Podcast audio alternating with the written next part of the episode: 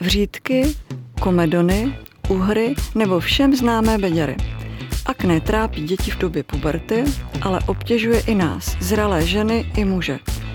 Co je jejich příčinou, lze se akné zbavit, jak pečovat o pokožku, jsou SPF krémy opravdu spásný zázrak a jaký je rozdíl mezi akné v dospívání oproti tomu v dospělosti?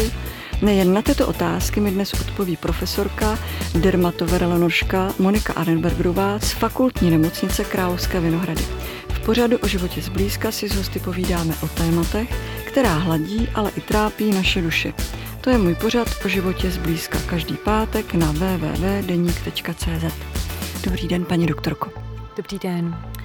Když se na vás tak dívám, pleť máte na rozdíl ode mě absolutně bezchybnou. Bylo tomu tak vždycky?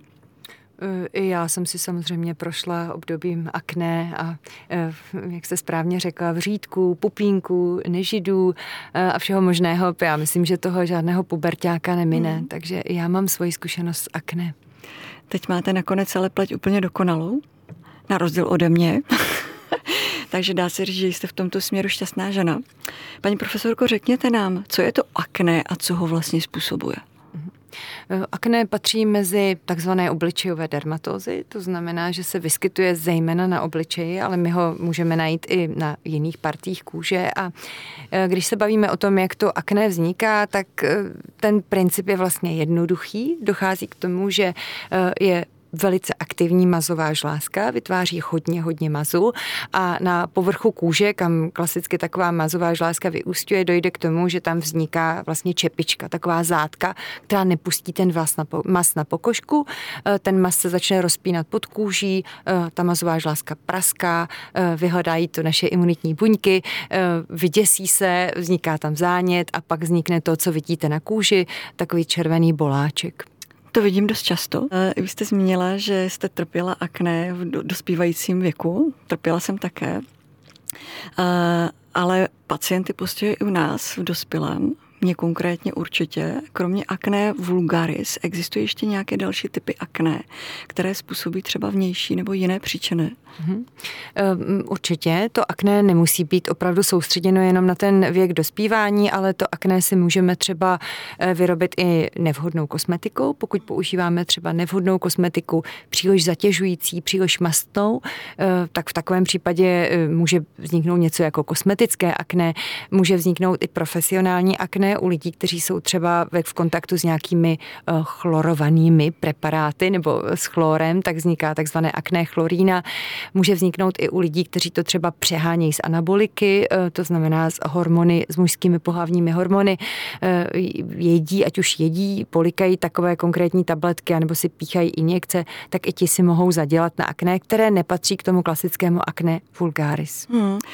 Stahuje se to třeba, nebo respektive může vzniknout akné nebo z zhoršit se u těch zralejších žen, které používají antikoncepci.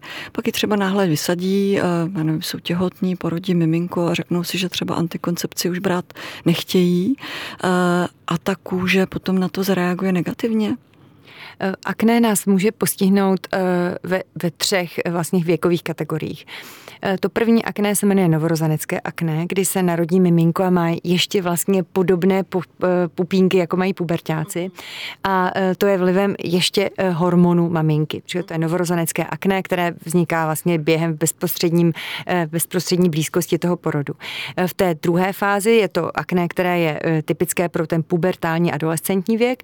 A třetím typem akné je akné, které se vyskytuje u žen zhruba kolem 35. roku věku a hovoříme o akné dospělých žen. A tady se už bez pochyby jedná o akné, které vzniká vlivem právě hormonálních eh, vlivů, ať už je to nějaká hormonální nerovnováha, která souvisí s hormonální nerovnováhou přirozenou, anebo si ji vytvoříme tím, že užíváme antikoncepci, náhle ji vysadíme, nebo změníme antikoncepci za tu, která není eh, zcela vhodná pro náš organismus. Může vznikat akné i z dlouhodobého užívání léku? E, ano, jsou to hormonální preparáty, o kterých jsem hovořila, například anabolika, ale my víme, že nejenom ta, tyto látky, ale třeba právě i antikoncepce, ale i nežádoucí účinek některých látek, jako je, jsou třeba některá moderní psychofarmaka. E, I u těch můžeme vidět vlastně akné jako nežádoucí účinek této léčby. Uh-huh. Ale se s tímto pracovat, nebo se člověk musí smířit s tím, že to k tomu prostě tak nějak patří? Já si nemyslím, že bychom se měli směřovat s tím, že máme akné. Já si myslím, že dneska máme dostatek vhodné kosmetiky, ale i léčebné kosmetiky a konec konců i e, preparátů, které mohou e, aknozní pokožce pomoci. Takže všichni ty, co jsme teďka jmenovali, eh, jim svítá naděje, že jejich pleť může být tak dokonalé, jako máte vy? Eh, bez pochyby. Já si myslím, že dneska opravdu to armamentárium je natolik široké, že hmm. pokud se nám nepodaří takzvaně na první dobrou pomoci, tak eh, můžeme zvolit nějaký druhý, třetí nebo jiný preparát a takovému člověku pomoci. Paní doktorko, co ještě ovlivňuje tvorbu akné, a to zvláště ve věku, kdy už puberta odezněla a ty hormonální výkyvy, o kterých jsme mluvili, které nebo který jste před chvíli zmínila, nejsou už tak výrazné. Já myslím, že kromě těch hormonálních vlivů je to eh, v tomhle věku nejčastěji právě nevhodná kosmetika. Že eh, ženy hodně eh, se orientují podle toho, co vidí na internetu, hodně se orientují podle svých kamarádek, dejme tomu, že kamarádka doporučují, doporučí kosmetiku mm, s norkovým olejem, s, olivu, s olivovým olejem a podobně. A to jsou všechno věci, které jsou hodně zatěžující pro pleť a nejsou vhodné pro každou pokožku, čili pokud vím, že mám sklon k akné, pokud vím, že mám masnou pokožku i v tomto věku po pubertě, tak bych měla volit i vhodnou kosmetiku, která mě příliš nezatěžuje a třeba nemůže vyprovokovat eh, konkrétně tuhle tu Sama nemám ideální pleť, to už jsem zmínila na začátku a naopak bych řekla, že se řadím k procentu těch, kteří s akné neustále bojují. Často se také ptám při pohledu do zrcadle, co se to vlastně děje v mé kůži, tam někde uvnitř. Tak co se to se mnou děje? Nemám, myslím, jasnou pleť, naopak trpím spíš na suchší pleť. Častokrát, když si na ní šáhnu, aniž bych ji jako, nebo po včištění, tak eh, jsem jak chřestýš, když šustí. Vlastně snažím se o ní starat, pečuju, ráno ji čistím, večer ji čistím a stejně. Mhm. Pořád tam ty mrchy jsou. To akné dospělých žen má eh, velice eh, vlastně podobný mechanismus, o kterém jsem hovořila na začátku. To znamená, že zase se jedná o zánět mazové žlázky. Hmm. Nicméně má trošičku jiné charakteristiky. Já bych zejména uvedla to, že eh, my o něm víme relativně krátkou dobu. To akné dospělých žen, tak jak jsme ho pojmenovali, to je vlastně diagnoza, s kterou se setkávám já zhruba v posledních pěti, deseti letech. Dříve jsme nevěděli, že je to tak častá věc. Dneska víme, že postihuje zhruba 15 až 25 dospělých dospělých žen, čili je to relativně častá diagnóza, hmm, která hmm. se v kožní ordinaci vyskytuje. To, co je pro ní specifické a to, co ji odlišuje od klasického pubertálního akné, je, že vlastně ty projevy, o kterých jste hovořila, se vyskytují nejčastěji na dolní čelisti. Čili klasické akné se vyskytuje opravdu v té té zóně, eh, to znamená někde na čele, může se vyskytovat i na tvářích. To dospělé akné nebo akné dospělých žen se většinou posune k té dolní čelisti. Eh, někdy se může vyskytovat až na krku. To znamená, že eh, ty projevy, které tam jsou, jsou velmi podobné pubertálnímu akné, ale jsou v jiné lokalitě. Uhum. Snažím si teď představit ten proces, který se tady pojmenoval. Nemám úplně jásavý pocit. Je léčba takto zanedbané nebo zasažené pleti obtížná a je vůbec reálná taková léčba? Když se bavíme o akné dospělých žen, tak víme, že eh, jsme tady relativně méně úspěšní, co se týká lokální terapie, že ty klasické osvědčené krémy nebo roztoky, které dáváme pubertákům, tady většinou nezabírají tak pěkně, pěkně hmm. a z mé zkušenosti se daleko častěji musí sáhnout po léčbě tabletové. To znamená? Eh, to znamená, že eh, tady předepisuju takovým ženám třeba eh, nízkodávkovaná antibiotika na delší uh-huh. dobu. Někdy musím sáhnout i po takzvaných retinoidech, co jsou tabletky s derivátem vitamínu A. Velice stručně řečeno je to vitamin A v trošičku jiné podobě než té klasické koncentrované podobě, tak jak ho známe třeba z vitamínových doplňků. Uh-huh. A jak taková léčba třeba dlouho trvá? Relativně dlouho. Pokud někdo nasadí antibiotikum na akné a myslí si, že po týdnu to bude dobré, tak se určitě určitě mílí, protože my u těch antibiotik vlastně nemáme uh, ambici zničit nějakou bakterii, i přesto, že víme o jedné bakterii, která je spojena s akné, ale máme spíše tendenci snížit tu aktivitu té mazové žlázky, snížit vlastně ten zánět v kůži. A takže se bavíme zhruba o léčbě, která trvá dva až tři měsíce. Ne, ne, tak to je dobrý. Jo. To není jo, zase tak strašně Někdo se cuká, někdo je trošku nervózní, když mu řeknu, že tři měsíce bude užívat antibiotika, ale eh, já pořád ještě další, eh, le, lepší účinnou léčbu neznám. Mm-hmm. Existuje i léčba laserem nebo světlnou terapii? Četla jsem něco takového, kdy se ji využívá a případně pro jakého pacienta je vhodná? Mm-hmm. Doporučila byste třeba takovou léčbu mě? Eh, proč ne? Já si myslím, že jako komplementární, čili doplňková léčba k tomu, co vám doporučí dermatolog, takže můžete využít u kosmetičky třeba modré světlo, můžete využít lasery nebo takzvané IPL. Tam je to založené na tom, že se vlastně jakoby postihují nebo redukuje to začervenání nebo ten zánět v kůži, takže eh, pokud třeba se rozhodnete to ještě urychlit, umocnit vlastně tu systémovou léčbu, tabletkovou léčbu, třeba světlou léčbou, já proti tomu nic nemám. Akné, kromě toho, že se objevuje po vysazení hormonální antikoncepce a pravidelně v době před menstruací u žen, aby to bylo, paní profesorko, i genderově vyvážené, mají podobné v uvozovkách, podobné problémy i muži, nebo se matička příroda vyřádila hlavně na nás ženách? E, to je zajímavá otázka. Já už jsem totiž o tomto tématu hovořila nedávno v jednom podcastu a když jsem si pak přečetla ty komentáře, tak mi bylo opravdu smutno, protože ta diskuse se odvíjela hodně genderově, kde si vlastně muži stěžovali o tom, že se bavíme bavíme jenom o akné dospělých žen a že vlastně muži byli vyřazeni z tohoto no, tématu. No vida, tak šup. Je, ale já jsem v tomhle objektivní, protože akné dospělých žen se týká opravdu jenom žen. Hmm. Pokud u muže najdeme akné v dospělém věku, tak je to ještě to akné, které přetrvává z té puberty. Ale akné dospělých žen je opravdu doménou jenom toho ženského pokolení. Ta matička příroda teda, ta je zlá. Případně následná péče nebo léčba pro ty muže, kteří nemají tu nemoc, kterou máme my zralé ženy a nějaký to akné mají, tak eh, jak, jak vlastně nastavujete léčbu u nich? Já to vůbec nechci zjednodušovat, protože muži obecně trpí na horší a těžší formy akné. To souvisí s tím, že mají spíše pokožku mastnou. Eh, vůbec ten typ té pokožky je trošičku odlišný od žen. Víme, že mají hodně zbytnělé a aktivní mazové žlázy, takže pokud se u muže táhne to vlastně to pubertální akné ještě do pozdějšího věku, tak se většinou bavíme o těžké formě akné, které vede k tomu třeba, že se tam vytváří až zánětlivé uzly, abscesy. Je to spojeno i s jizvením. Takže to akné je většinou eh, těžšího kalibru a také se snažíme zasáhnout trošičku agresivnější léčbou, než je to u žen. A můžeme si to dovolit, protože ty nežádoucí účinky oni nevnímají tak, eh, řekla bych, tak úkorně jako ženy. Takže já si myslím, že bychom to neměli zlehčovat. U nás se samozřejmě objevují i muži v dospělém věku, které akné mají a kde se musí přistoupit třeba i ke kombinované léčbě. To znamená, že tam dáváme ty retinoidy, deriváty vitamínu A, ale můžeme k tomu právě doporučit i světlo léčbu, eh, léčbu laserovou a podobně. Uh-huh. Aby toho nebylo málo, tak kromě výsevu akné na obličeji, vy už jste o tom mluvila na začátku, nás trápí pupinky a někdy i takové ty hluboké boláky, o kterých jste teď asi mluvila i na zádech, hrudníku hrudníku či jiných částech těla. Proč i tady?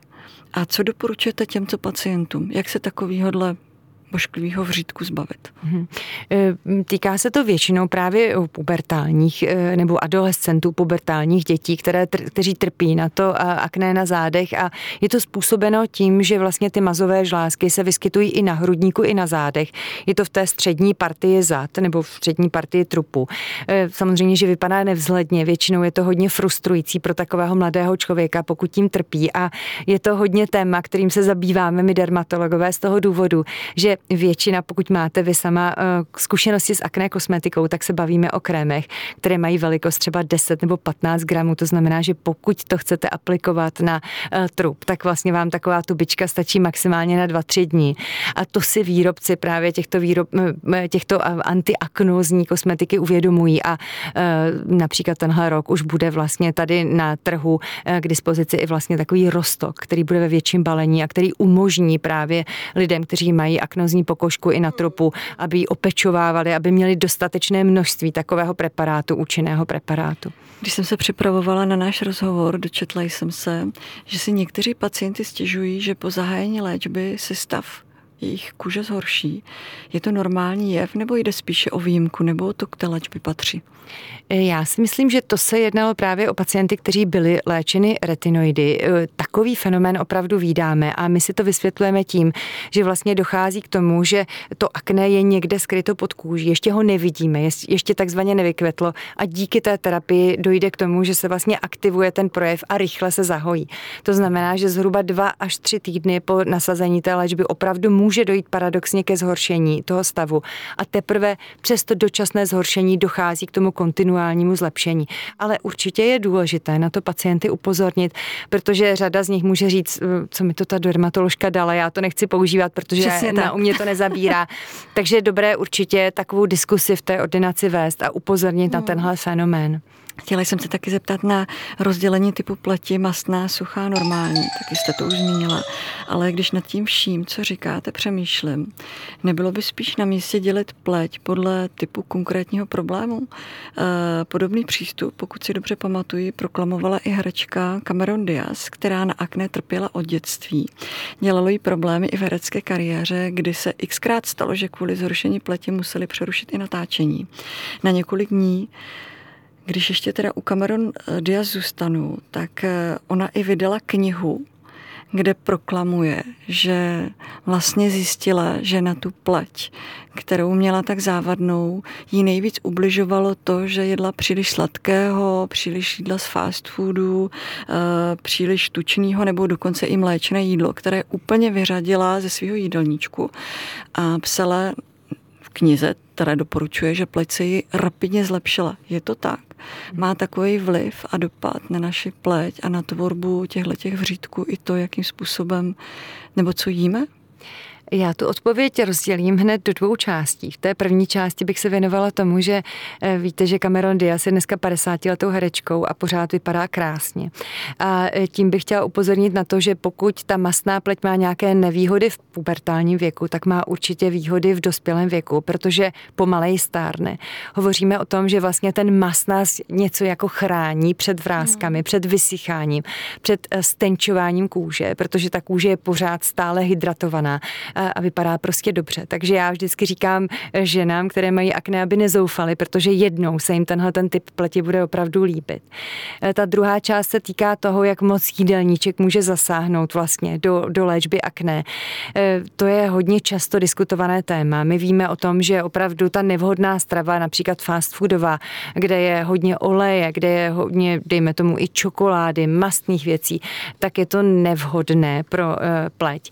Nicméně, pokud se podíváme na to z odborného hlediska, tak vlastně vyřazení mléčných výrobků nebo eh, zařazení eh, té nízkotučné stravy se úplně na tom akné výrazně nepodepsalo. Takže já myslím, že vždycky, když se hovoří o tom, že se to akné zlepšilo po dietě, tak většina těch lidí nejenom zlepšila svoje stravovací návyky, ale určitě se začala věnovat třeba i té kosmetice a změnila trošičku tu denní rutinu. Takže eh, ano, racionální výživa určitě ano, ale abych někomu zakazovala si dávat mléko do kávy jenom kvůli akné, tak to nedělám.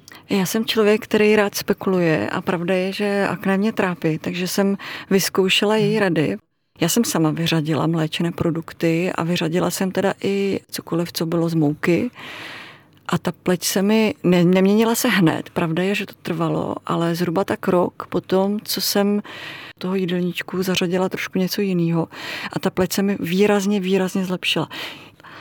Já myslím, že asi se nebavíme o náhodě. Pokud jste opravdu vysledovala to, že když jste změnila jídelníček, takže se vám změnil ty pleti, tak eh, pravděpodobně vaše kůže z toho profitovala. Já se tomu vůbec nebráním, protože individuální zkušenost, dobrá zkušenost je pro mě také přínosem určitě i do mé praxe, do mé ordinace. Takže pokud jste takový trend vysledovala, tak bych se toho držela. Prostě samozřejmě do jídelníčku bych tyhle ty potraviny, které vám třeba mohou škodit vaší pleti, tak bych prostě nezařazovala. Paní profesorko, co by člověk s aknozní pletí neměl nikdy dělat?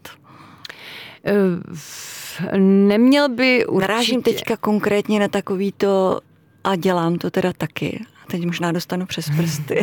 Když se koukám do zrcadla a už vidím, jak tam je to květenství, tak mám tendenci si to vynípnout a nedodržet takový to, že si člověk počká, až to samo praskne a pak to hezky utří tamponkem. Prostě to nevydržím. Eh, někdy to nejde, já tomu rozumím, protože ta neštovička s bílou čepičkou prostě není nic příjemného. Nedokážu si představit, že bych já sama s tím šla do práce. Na druhou stranu musíme vědět, že pokud tomu pomůžeme doma a ještě třeba špinavýma rukama, takže vždycky ten projev eh, dopadne hůř, než kdybychom počkali, až sám praskne, anebo si ho nechali profesionálně vlastně odstranit kosmetičkou.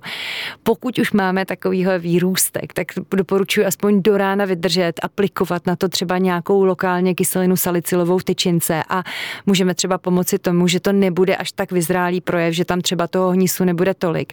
Dneska je těch prostředků, které mají vlastně ty pubertální, bych řekla, pacienti k dispozici je eh, celá řada na internetu, ale i v lékárně, takže doporučuji se zaměřit třeba na tyhle ty konkrétní prostředky a myslím si, že se tomu dá pomoci, nikoliv jenom vymačkáváním.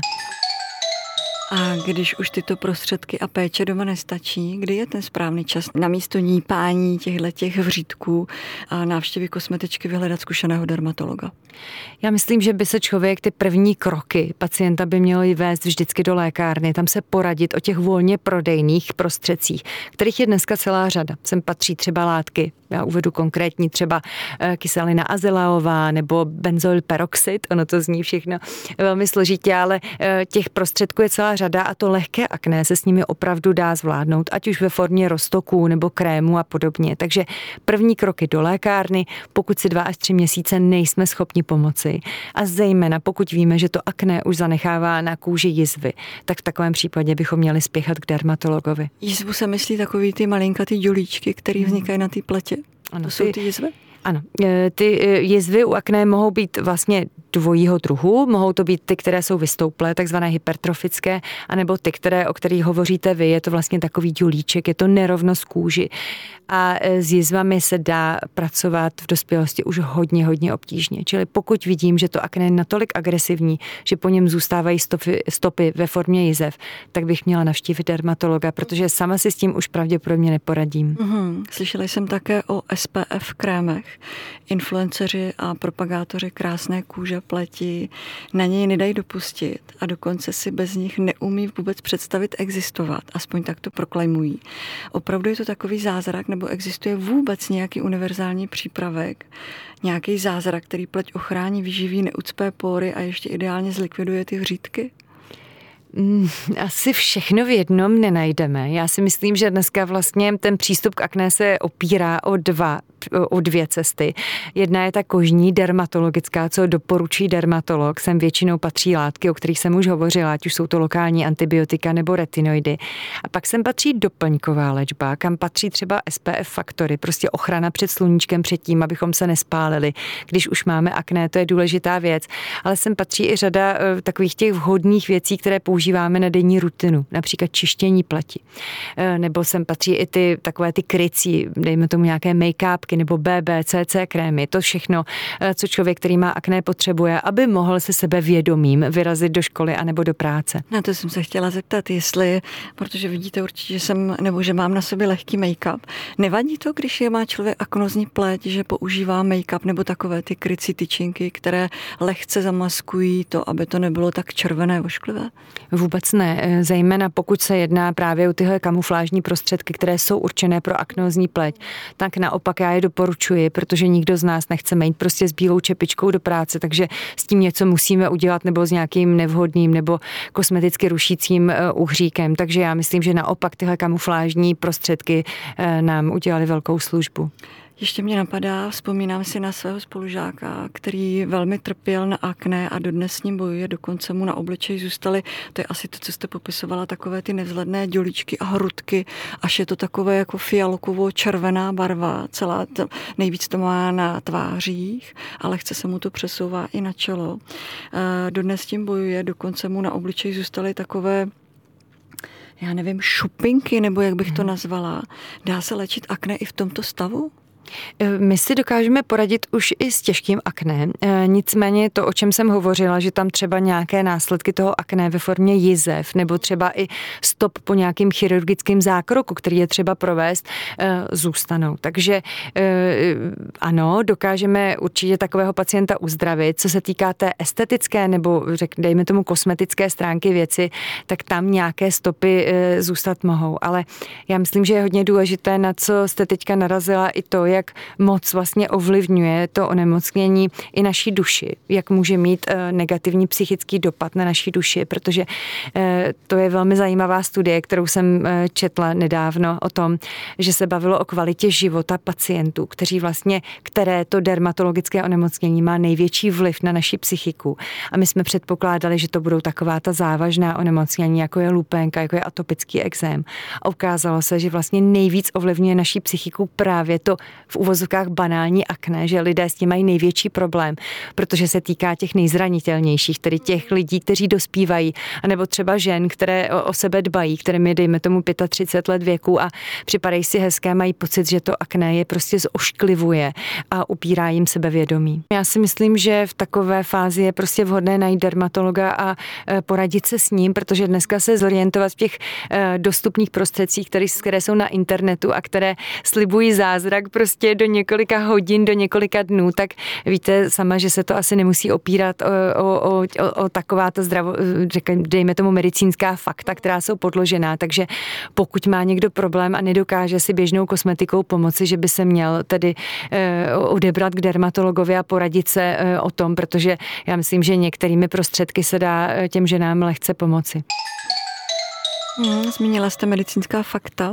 Je i fakt to, že sluníčko svědčí pupínkům, když se vystavíme pleť a řekneme sluníčko, tak nám je hezky vytáhni, aspoň tak se to říká. Případně, když si vzpomenu já ještě na své mládí, kdy v pubertě jsem skutečně na akné hodně trpěla, tak mě moje babička krmila, doslova ládovala kvasnicema a říkala, yes, budeš mít pleť jako panenka. Jak to je? Eh, ta pravda je někde uprostřed. My víme, že eh, pro určitý druh akné, pro to zánětlivé akné, kde se vyskytují ty červené pupínky, tak může být sluníčko prospěšné, protože vlastně sluníčko víme, že redukuje zánět v kůži. Takže někteří lidé se vrátí od dovolené od moře a mají z toho velmi dobrý pocit.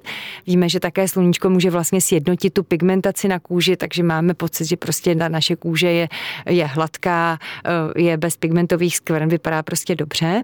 Eh, u druhé skupiny lidí, kteří mají akné a to je zejména tehdy, kdy se tam eh, objevují rozšířené pory, kdy se eh, vyskytují komeda, tak tam nám sluníčko naopak může uškodit. Čili v takovém případě se většinou vracíme právě se zhoršeným akné. Čili tady je vždycky důležité udiferencovat, jaký druh akné nás trápí. Co se týká toho, co je prospěšné, které vitamíny, bavíme se o vitamínu B. Pokud ho máme nedostatek, tak se opravdu akné může podívat podílet na tom, že vlastně na kůži vznikne. Čili nedostatek vitamínu B určitě můžeme řešit s kvasnicemi, ale naopak zase příliš vysoký eh, přísun eh, vitamínu B může zhoršit a může podporovat akne naší pokožce, takže určitě všeho s mírou. Na závěr, kromě akné jsme se díky dlouhodobému nošení roušek proti covidu setkali i s kožní nemocí maskne. Zmiňuji také proto, že je možné, že dojde k dalšímu nasazování roušek. Poraďte nám, paní doktorko, jak se starat o pleť, na které nosíme nebo budeme muset nosit zase roušku. Mhm. My jsme se s tím maskne vlastně setkávali v době covidu denodenně. Byl to takový opravdu strašák těch mladých lidí, kteří mm. bojovali s tím akné a už si mysleli třeba, že mají vyhráno a pak museli nosit roušku, měli ji na sobě 10-12 hodin denně a zjistili, že se to vlastně velice negativně odráží na téhle té chorobě. Nebyli to jenom lidé s akné, byli to i lidé s růžovkou a podobně. Takže já myslím, že jsme se společně už naučili nějak s tím pracovat, že ti lidé vědí, že musí mít něco jako je ranní rutina rutina, tu pokožku dobře očistit od mazu, od potu, pak aplikovat čistou roušku, tu roušku během dne e, často měnit, tak aby byla opravdu suchá, aby byla čistá. E, v průběhu dne třeba tu roušku sundat, opláchnout si obličej nebo ji otřít nějakým čistícím kapesníčkem a zase večer nějaká hydratační maska, nějaký peeling a podobně. Čili ta rutina, kterou jsme tam měli, tak ta se musela opravdu odvíjet od toho, že ta kůže nebyla schopná dýchat, byla v permanentním kontaktu s tou rouškou. Docházelo tam k tření, ke zhoršování akné a pravděpodobně pokud se ta situace na podzim bude opakovat, tak se zase budeme bavit o téhle té rutině, která musí být přizpůsobena i tomu, že tu roušku máme 10 hodin na ústech. Hmm. Paní doktorko, děkuji za vyčerpávající odpovědi a návštěvu v mém pořadu o životě zblízka a loučím se také s vámi, milí posluchači, a nezapomeňte, barva ani kvalita pleti nemění nic na tom, jaký opravdu jsme. Mějte se krásně a příjemný poslech na www.denik.cz. Přeje Bohumila Čiháková. Děkuji, paní doktorko. Naschledanou. Milí posluchači podcastu o životě zblízka, svoje příběhy, náměty, o čem byste chtěli poslouchat příště, typy nebo rady pište na adresu deník.cz.